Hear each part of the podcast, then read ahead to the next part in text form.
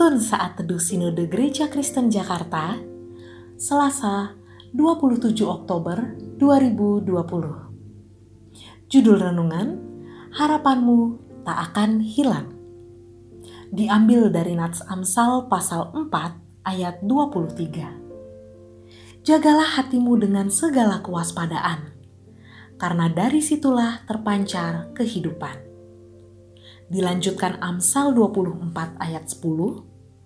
Jika engkau tawar hati pada masa kesesakan, kecilah kekuatanmu.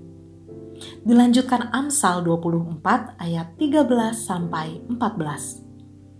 Anakku, makanlah madu, sebab itu baik. Dan tetesan madu manis untuk langit-langit mulutmu. Ketahuilah, demikian hikmat untuk jiwamu jika engkau mendapatnya, maka ada masa depan dan harapanmu tidak akan hilang. Sekuntum bunga merekah dalam pot plastik yang kusam dan retak. Pot itu tergeletak di samping bak sampah, siap untuk dibuang. Seperti biasa, datanglah tukang sampah. Ia mengangkut semua sampah menyapu bersih area sekitar tempat sampah, namun ia tidak membuang pot tersebut. Bergegas seorang ibu berseru, "Pak, tolong diangkut sampahnya." Sambil menunjuk pot bunga itu. Dengan heran, tukang sampah menjawab, "Ada bunganya, Bu. Kalau rajin disiram akan banyak bunga yang mekar." Yang dianggap sampah baginya bukan sampah, karena dia memandangnya dengan harapan bunga-bunga akan bermekaran.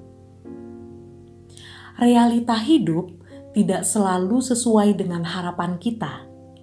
Langit tidak selalu cerah. Perjalanan kita terkadang bagaikan melalui lembah kelam. Ada masa penuh sukacita, ada pula masa kesesakan. Nas hari ini mengingatkan kita agar tidak tawar hati dalam masa kesesakan.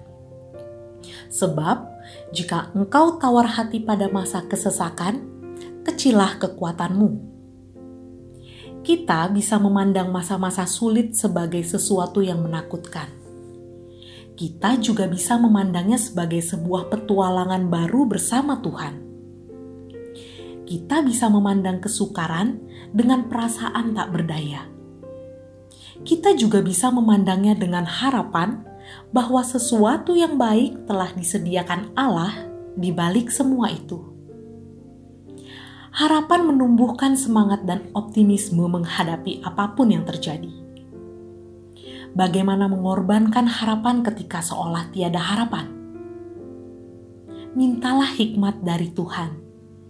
Jika engkau mendapatkannya, maka ada masa depan dan harapanmu tidak akan hilang. Dia memberi hikmat ketika kita merenungkan firman-Nya dan hidup dalam persekutuan pribadi dengannya. Mari jalani hari demi hari dengan hati yang penuh harapan. Jangan biarkan situasi, persoalan, atau apa pun juga merampas sukacita dan harapan kita. Ingatlah firman Tuhan jagalah hatimu dengan segala kewaspadaan, karena dari situlah terpancar kehidupan. Pengharapan di dalam Kristus mendatangkan sukacita dan kekuatan baru. Terpujilah nama Tuhan.